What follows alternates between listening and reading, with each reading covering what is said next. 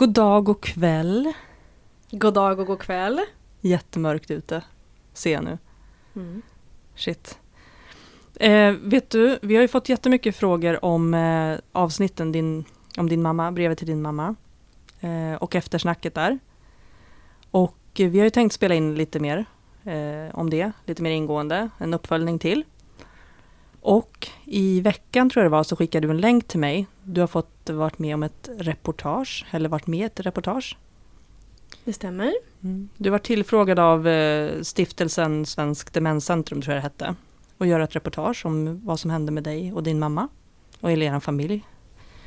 Och eh, det reportaget finns ju att läsa nu på unganhörig.se, Ja. såg jag länken. Mm. Jättefint reportage och jag tänkte det är väl perfekt läge nu att ta ett sånt avsnitt när det är färskt också. Ja. När gjorde du reportaget?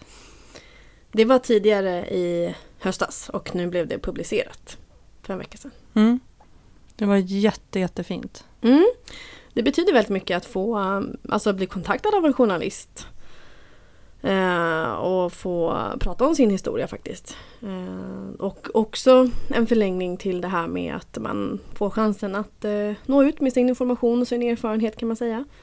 Eh, jag tror ju på mycket på eh, igenkänning. Och det stämmer helt, helt och hållet. Hon heter Kristina Nemell och jobbar åt eh, stiftelsen Svensk Demenscentrum. Publicerats även där, finns på Facebook.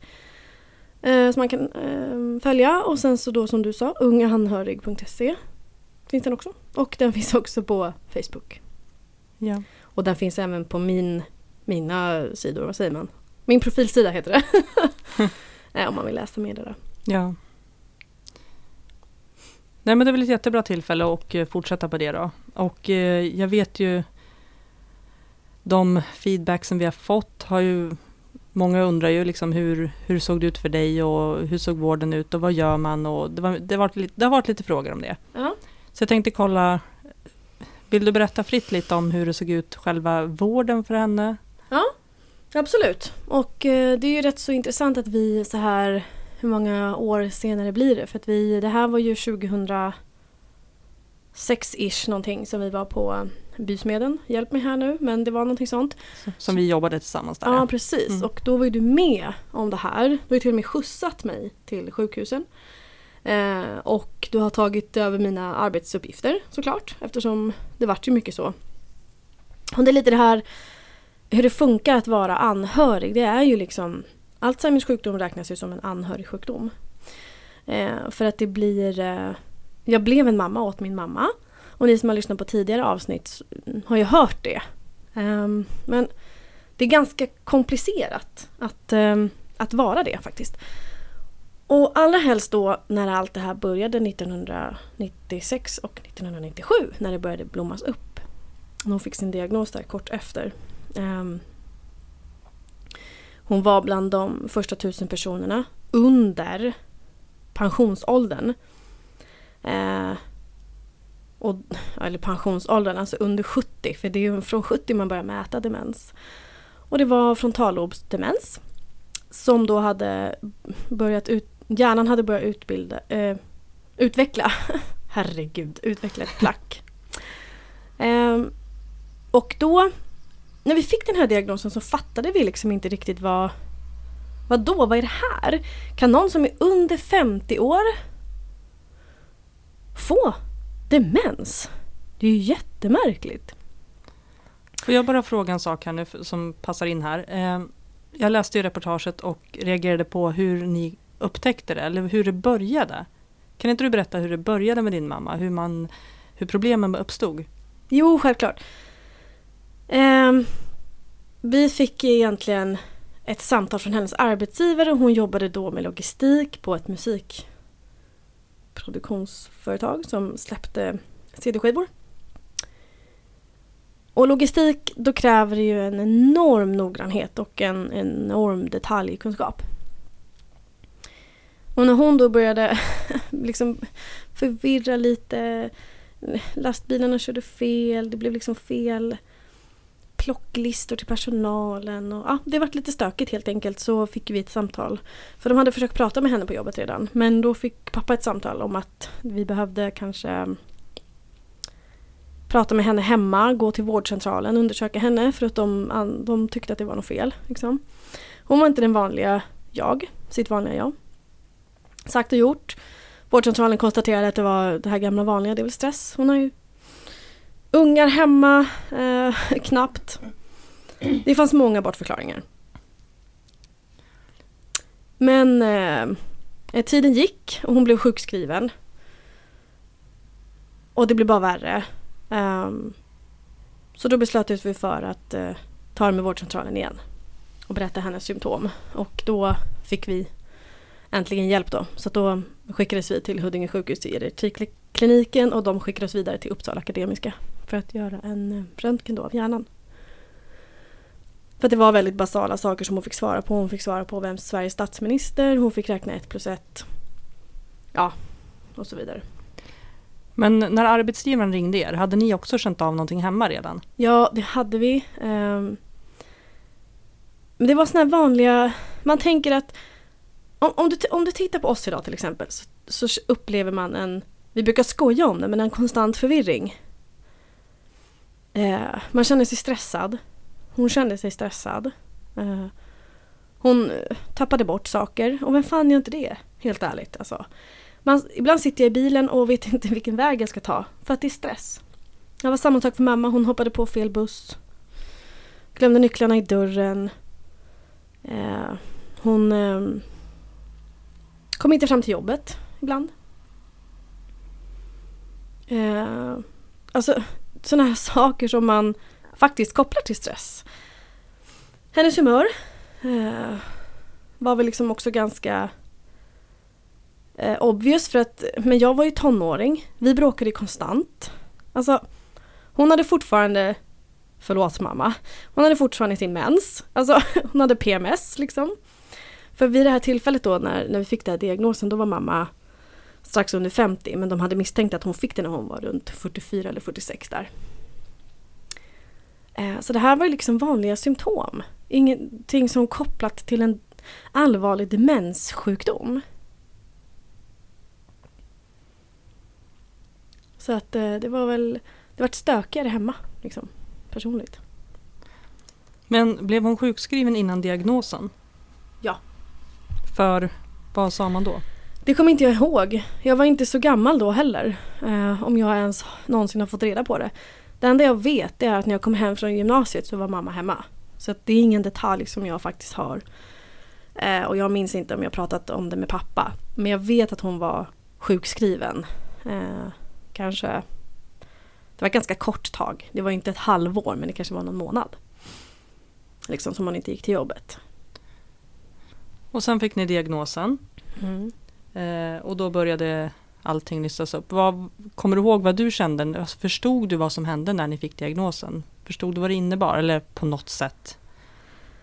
Alltså jag, eh, jag var alltså 15 vid det här laget.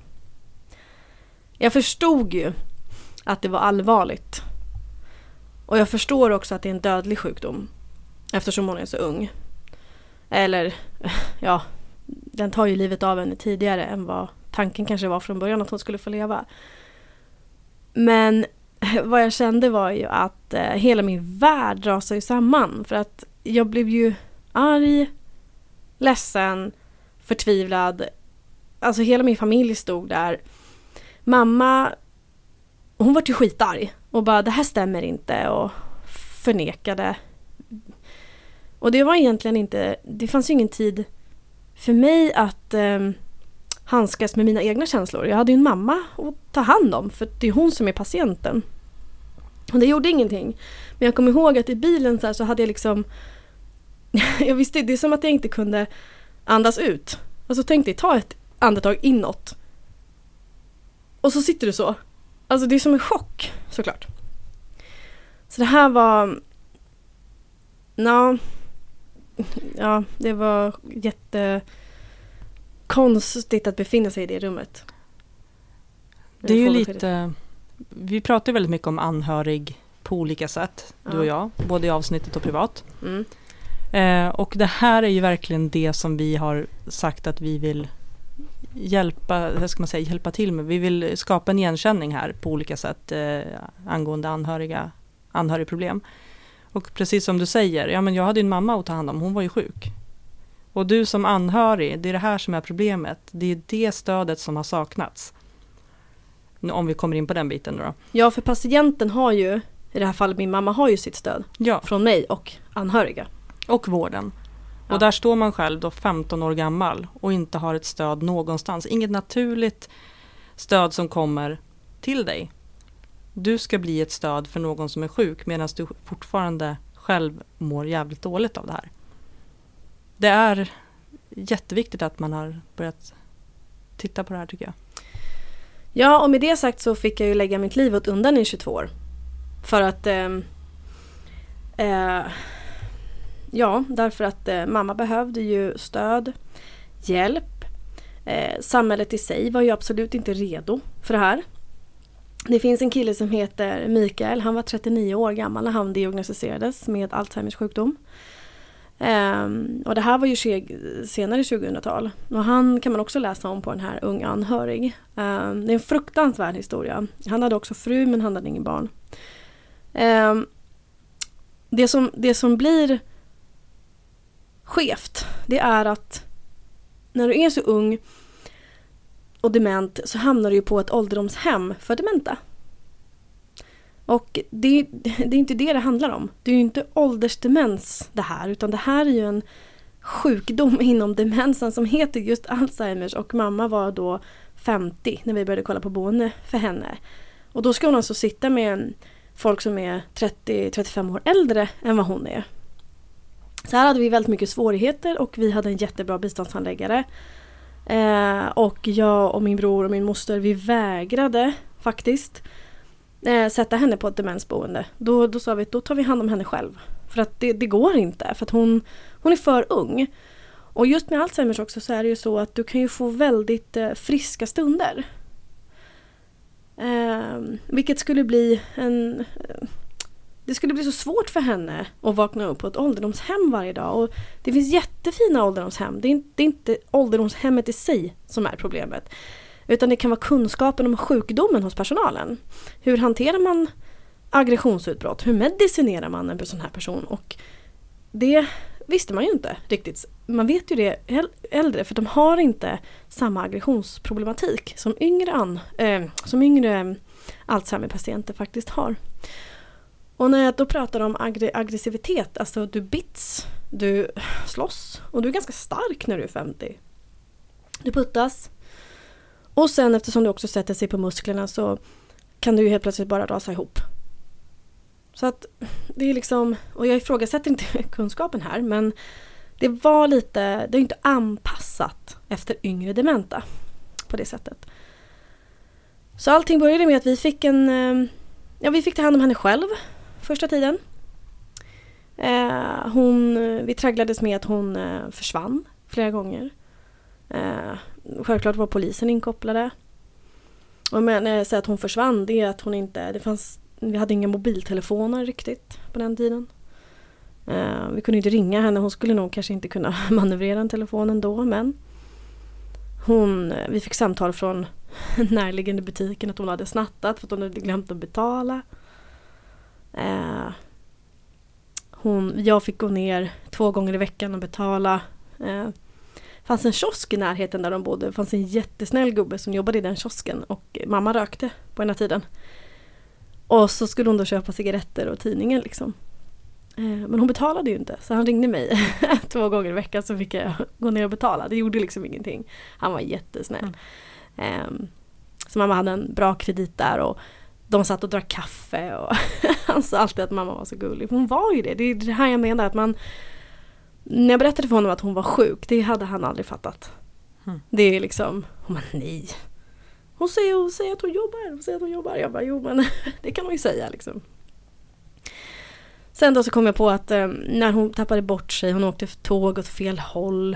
Eh, hon, vi hittade henne utan skor. Alltså det är så här, då kom jag på att man kunde lägga en lapp i hennes plånbok. Där det stod en liten förklaring om vad hon hette och eh, att hon hade den här sjukdomen och att man skulle ringa pappa. Om man eh, hittade henne då förvirrad någonstans så. Eh, men det var, det var faktiskt ganska... Eh, hur ska jag säga?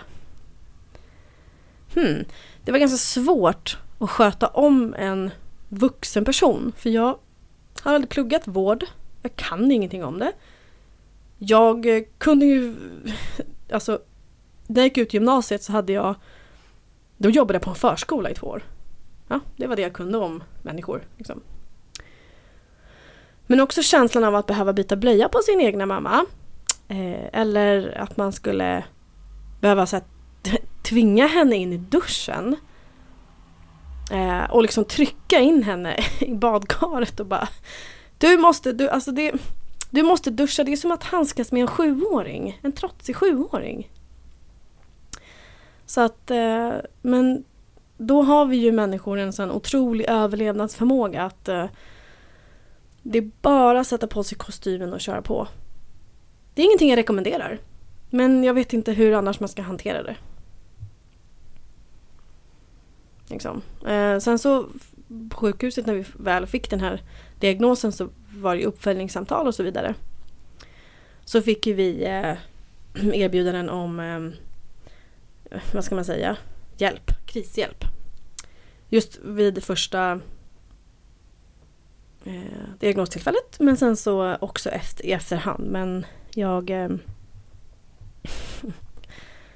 jag har så svårt att gå till en person och prata med den som kanske inte har upplevt det jag har upplevt. Jag förstår inte hur den ska kunna hjälpa mig faktiskt. Man kan visa sympati, empati, jag förstår och så vidare. Men det blir lite lögn när man säger att jag förstår, för det gör du inte om du inte har gått igenom det här. Och det här är så himla viktigt för mig. Att eh, vi behöver nå ut med det. Vi fick till slut i alla fall ett boende när vi hade pratat med eh, biståndsanläggaren. Eh, hon hade då kommit fram till att eh, fan, vi måste byta kommun. Eh, för i den här kommunen så kunde de inte erbjuda mer än ett demensboende då, för äldre. Det gick jättebra. Eh, det fanns ett på södra sidan av stan. Hon fick flytta dit men kommer aldrig, aldrig, aldrig glömma den dagen hon väl fick flytta dit. Vi hade packat hennes saker. Brorsan var med. Eh, min moster var med. Pappa givetvis. Så hade vi fått den här lägenheten. Eh, det var på ett serviceboende för då yngre personer med andra typer av sjukdomar. Och då satte vi oss och fika och man har liksom en speciell rutin när man kommer dit. De är väldigt gulliga och omhändertagande. Men sen när vi skulle gå så, det här var tidig vår, så sprang ju mamma efter för hon trodde att vi hade glömt henne. Hon skulle ju följa med oss hem. Och bara så här, vad gör ni? Varför går ni? Ja men mamma du är hemma nu. Nej jag är inte hemma. Och då kollar hon liksom på pappa och bara vad håller du på med? Så tog hon sig över staketet. Och du vet sprang efter och man bara okej. Okay. Eh, fick alltså ta henne i handen. Gå tillbaka med henne. Eh, tog, så tog personalen henne, ledde in henne på rummet och hon springer ut igen. Jag säger ju det, hon är stark och hon är snabb. Över staketet igen. Sätter sig i bilen och bara Okej okay, mamma. Du måste gå ut ur bilen. Nej, jag ska åka hem. Jag vet inte ens varför vi är här. Du vet, och då är det sådana kontraster. För i min värld hade vi redan pratat om det här. Vi hade ju redan... Ja men mamma, du vet ju att du ska flytta hit nu. Nej, liksom, vadå? Jag ska inte flytta någonstans. Eftersom det sitter i frontalloben så är det närminnet som blir drabbat. Så det här tog ju väldigt lång tid. Det tog flera timmar att få tillbaka henne. Och då till slut så kommer det två stycken vårdare eh, och typ släpar in henne igen. Och så stänger de och låser dörrarna. Sen vet vi inget mer. Och det var allt jag såg den dagen. Liksom, hur kul är det? Ja, nej men då ska vi åka hem då. Alltså det är så fruktansvärt att liksom tvinga en annan person att flytta på grund av en sjukdom. Och hela tiden så försöka förklara för henne, vilket vi sen gav upp, att hon faktiskt är sjuk. Eftersom hon själv lever i en förnekelse så var det ju ingen idé. Hon bodde här flera år. Um, det är hennes första boende, uh, heltidsboende. Då började hon glömma bort vem jag var. Hon började glömma bort vem sina första barnbarn var sådär. Men hon, de kom hon ihåg faktiskt.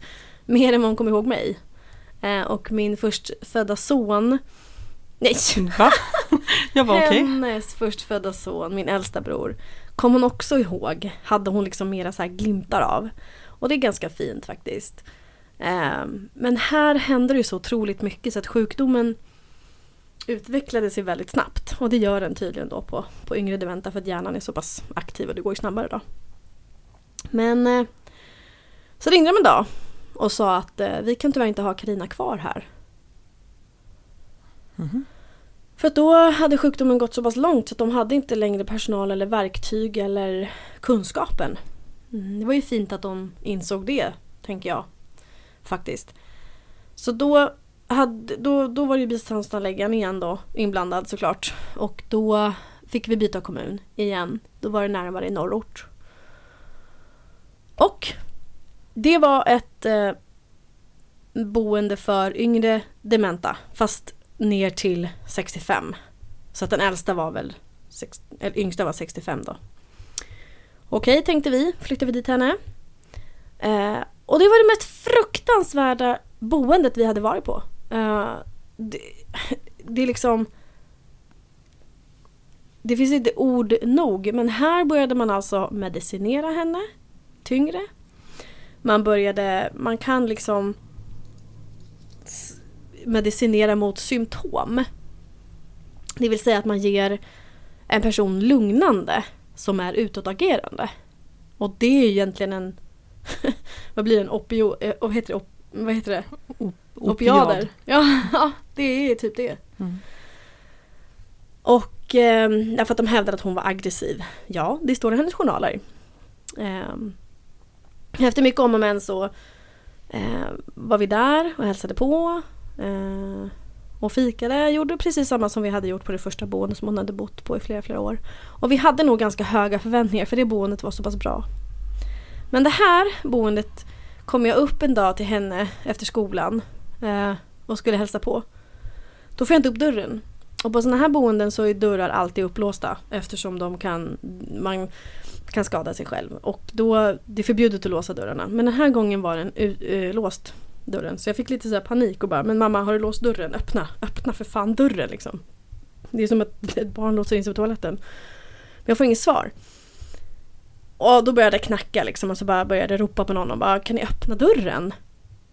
Ja, eh, Eh, vi har låst dörren. Varför har ni låst dörren? Nej men för att hon var så aggressiv och hon bet någon i personalen.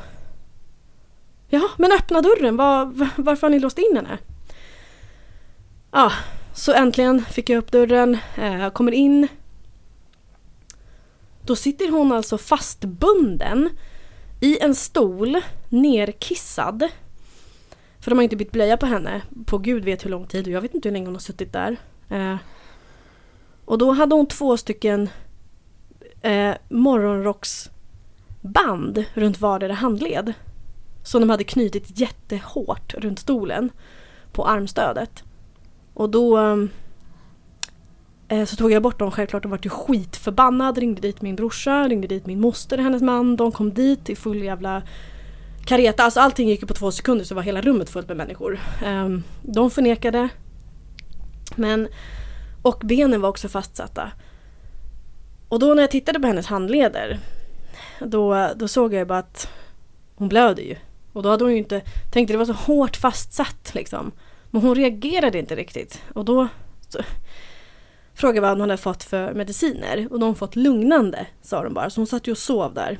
Och då var hon alldeles nerkissad. Så Lotta, min moster, hon eh, går in i duschen med henne. Det första hon gör givetvis kastar de här jävla kläderna åt helvete. Och går och skäller ut personalen.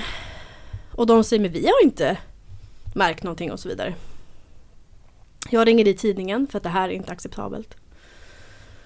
Under tiden vi står och väntar på, på att en journalist ska komma mitt i eh, så kommer enhetschefen ut, tar bort alla bilder på personalen och förnekar allt.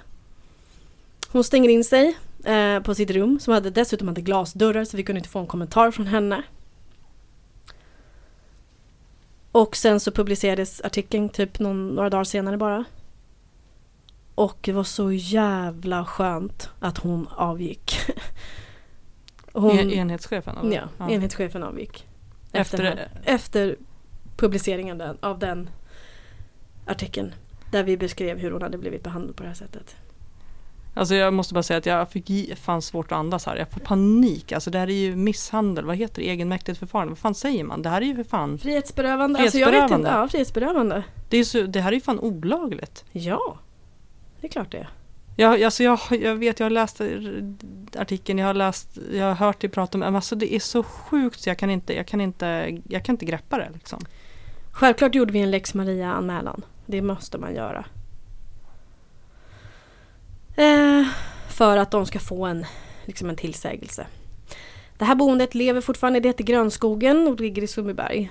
Eh, och eh, de har dock blivit uppköpta av eh, Carema så jag har ingen aning om hur det funkar idag. Eh, det här var ju några år sedan. Men eh, de... Innan hon fick flytta, innan... Eftersom det var så här också. Mamma, efter den här incidenten så ville inte vi ha kvar henne.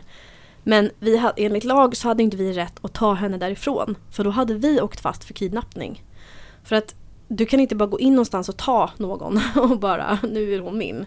Hur sjukt det än låter och vid det här tillfället var jag ändå hennes gode man. Men det betyder inte att jag var hennes överförmyndare.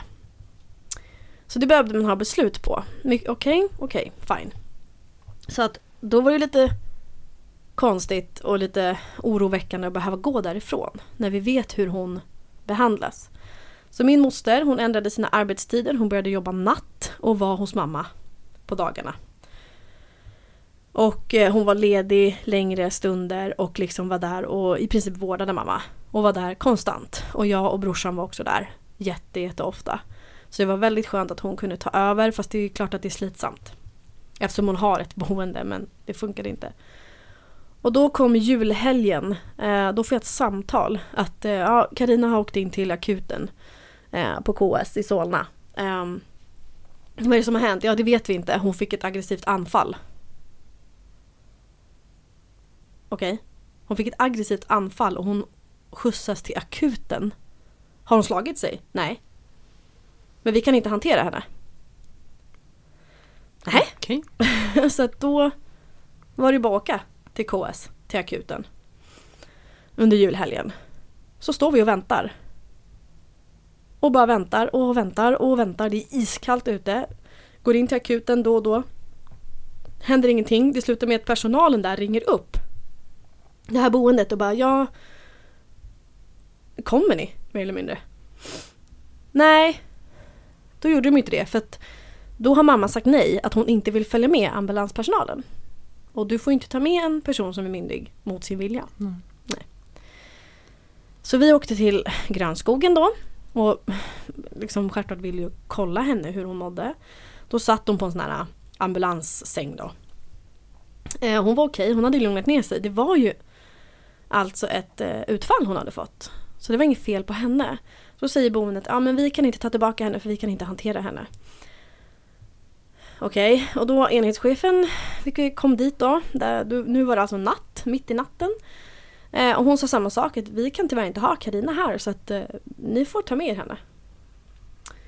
Och någonstans eh, så skjutsades hon dagen efter skjutsades hon av boendet till psykakuten. Okej. Okay. Mm, I Solna.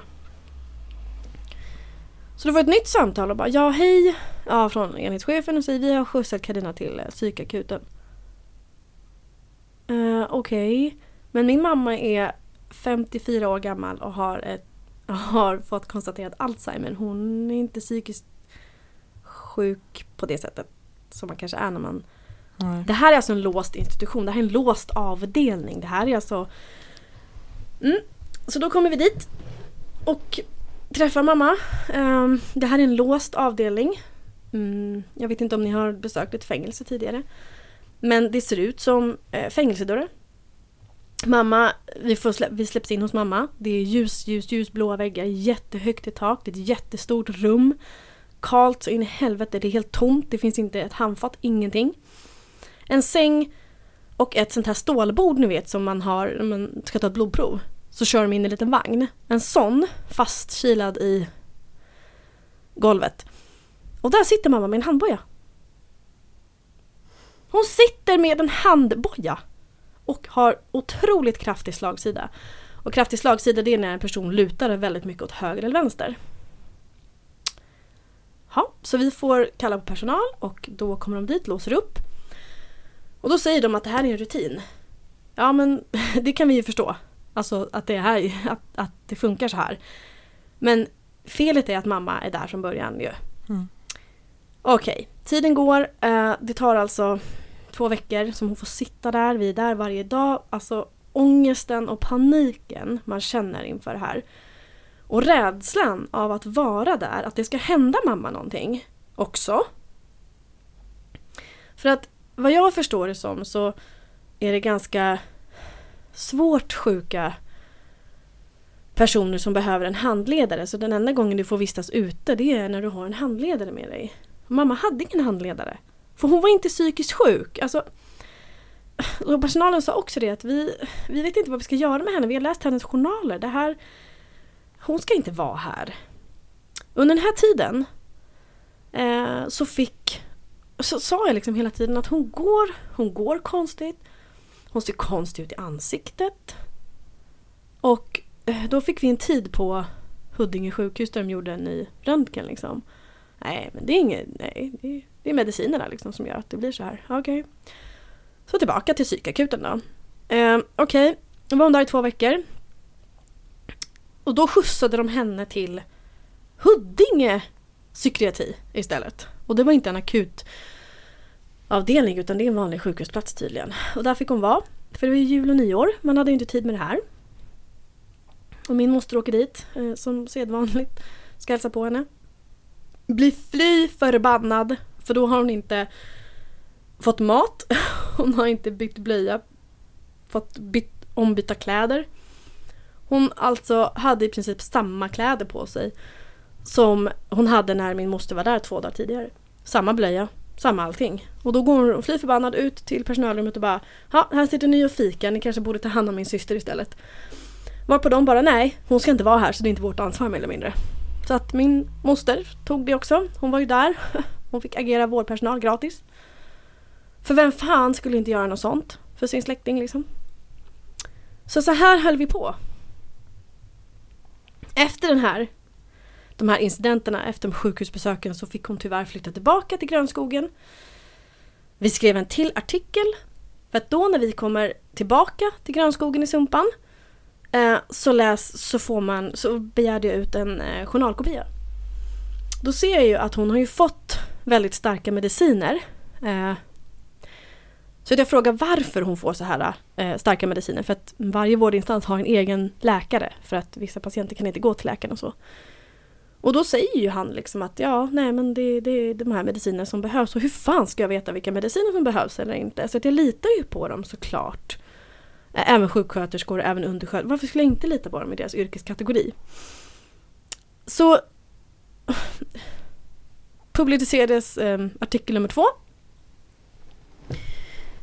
Och då händer då, då faktiskt händer ett mirakel. Då ringer en kille eh, jag tror att, alltså säg att artikeln publicerades ena dagen och han ringde dagen efter.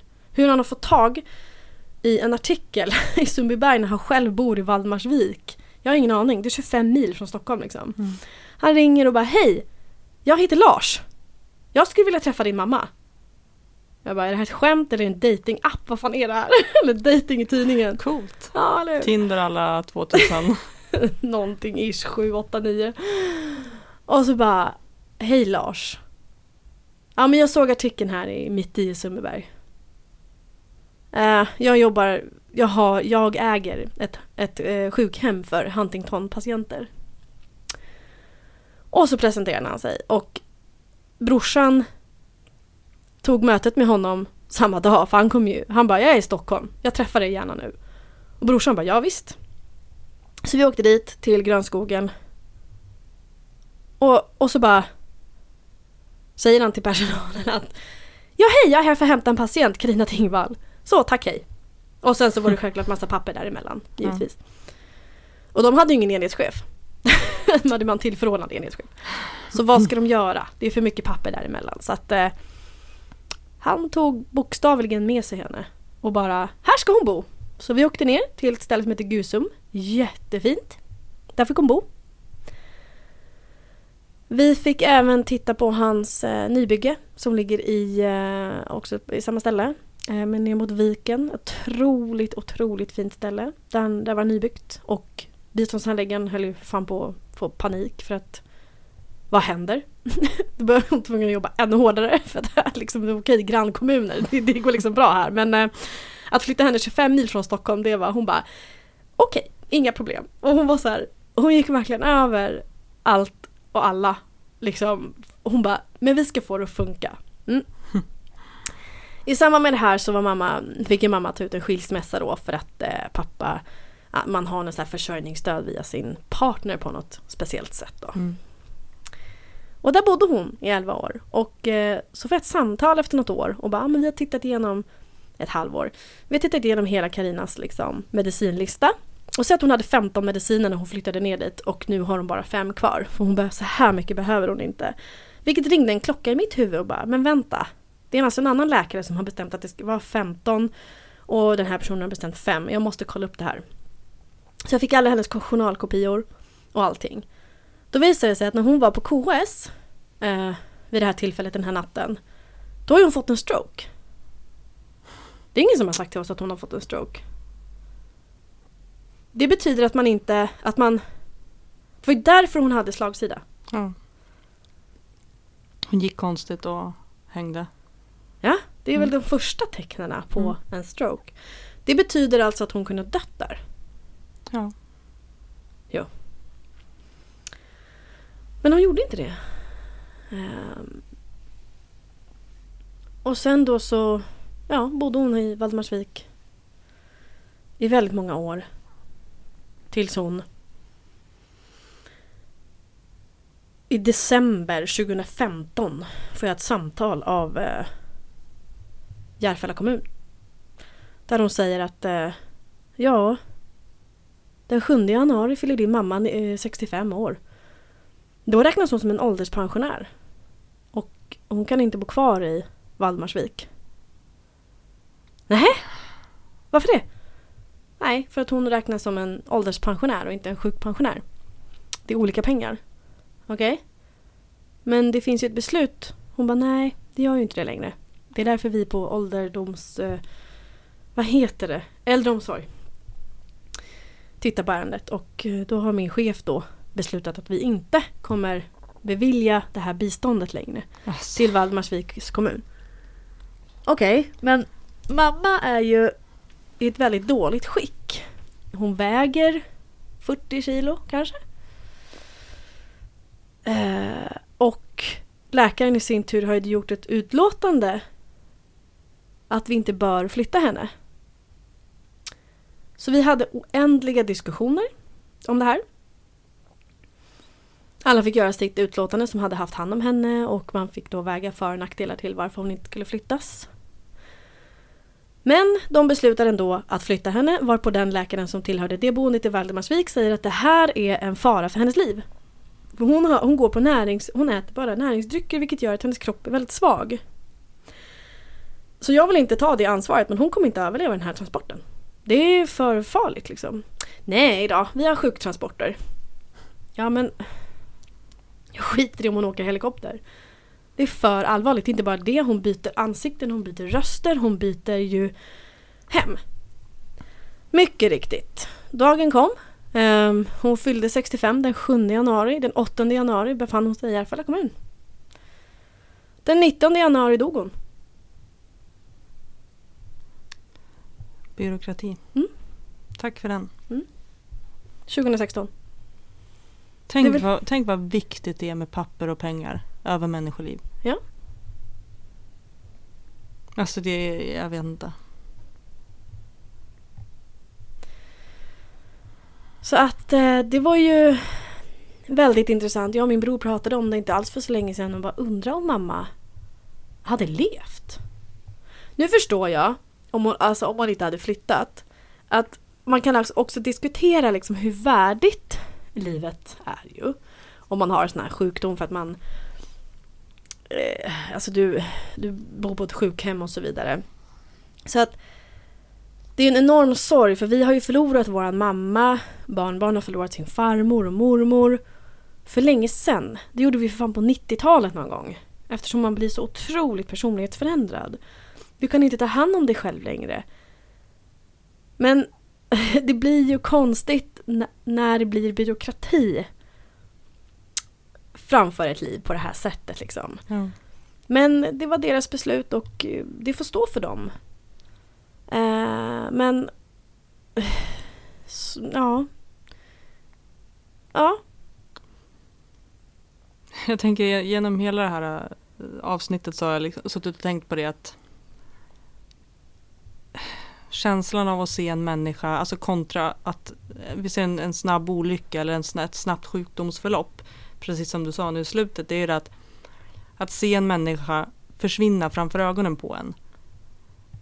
Att en personlighetsförändras, förändras. jag har ju varit med om det på ett annat sätt, men den här personlighetsförändringen, att bara se samma människa framför mig, men det finns inte samma utbyte, man, man känner inte igen den här människan ändå. Det är bara skalet kvar. Det är så otroligt fruktansvärt. Det, det, går liksom inte att förklara och det här var ändå 20 år. Ja. Varje gång, man, varje gång jag hälsade på mamma eh, så var det ju att eh, jo men det här är min mamma. Det är så här hon är nu. Eh, det är sjukdomen som har gjort henne så här. Eh, när vi fick det här beskedet så sa jag till mig själv att det här kommer jag aldrig någonsin acceptera.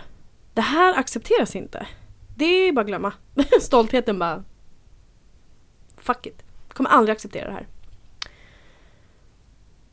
Under gymnasietiden så eh, åkte jag mellan mina lektioner till att ta hand om mamma. Jag lagade mat eh, åt henne, matlådor, matade henne. Eh, för den här sjukdomen gör också att hon får väldigt trånga halsgångar, hon kan sätta i halsen. Hon behöver konstant tillsyn. Vi jobbade skift hemma liksom. Men Ingen i skolan eller gymnasiet liksom frågade om jag behövde hjälp. Eh, de visste om situationen hemma. Skolan frågade inte om jag alltså, behövde stöd. Eh, jag fick distans, okej på distansarbete men hur lätt är det att liksom sitta och plugga till prov helt själv? Det vill säga distansen gjorde att jag inte behövde närvara på lektionerna. Eh, men det var eget ansvar att få hem läxböckerna, att läsa igen allting som jag hade missat. Det gick ju. Det gick ju. Jag, jag tog ju studenten eh, ja, och allt det här som man ska göra. Eh, men ändå liksom när man var på resande fot, som vi var mycket under den här tiden, eh, så var ju alltid tankarna, undrar om mamma är hemma? Eh, jag vet att pappa man kunde, mm, när man var ute och reste i början av 2000-talet så fanns det telefonkiosker fortfarande. Mm. Och i Asien så fanns det sådär typ internetcaféer. Men min pappa hade ju liksom ingen dator så jag ringde ju honom och vi kunde vara ute i flera veckor liksom. Och då ringde man ju honom då och då. Eh, och då, då, då, jag hörde ju på honom att han ville ju för min skull att nej men allting är bra, nej men hon, hon har en bra period nu och sådär. Och jag var väl runt 20-25 och liksom såhär, ja men om han säger det så är det ju så. Idag hade jag bara, mm, min överanalytiker hade nog tagit över lite där. Men jag gjorde inte det då. Eh, och det är jag väldigt tacksam för. För sen när jag kom hem då, då fick jag ju allt. Allt. Nej, hon har försvunnit, hon har varit borta, vi har hittat henne här, vi har, hon har ramlat och det, man bara ah, okej. Okay. Och sen samma dag som jag fyllde 18 år då fick jag ju bli hennes gode man. Och det betyder att jag har ett ekonomiskt ansvar för en annan persons ekonomi. Jag ska alltså betala hennes lån om hon hade några. Jag ska betala hennes räkningar om hon hade sådana. Eh, jag ska se till att hon har... Alltså jag blir hennes ekonomiska förvaltare. Och vad jobbar du med idag? Ja, vad jobbar jag med idag? Så att det är liksom hela ditt liv kastas åt sidan. För att du... det är fel att säga att du inte har ett val. Men har man ett val? Jag vet inte. Nej.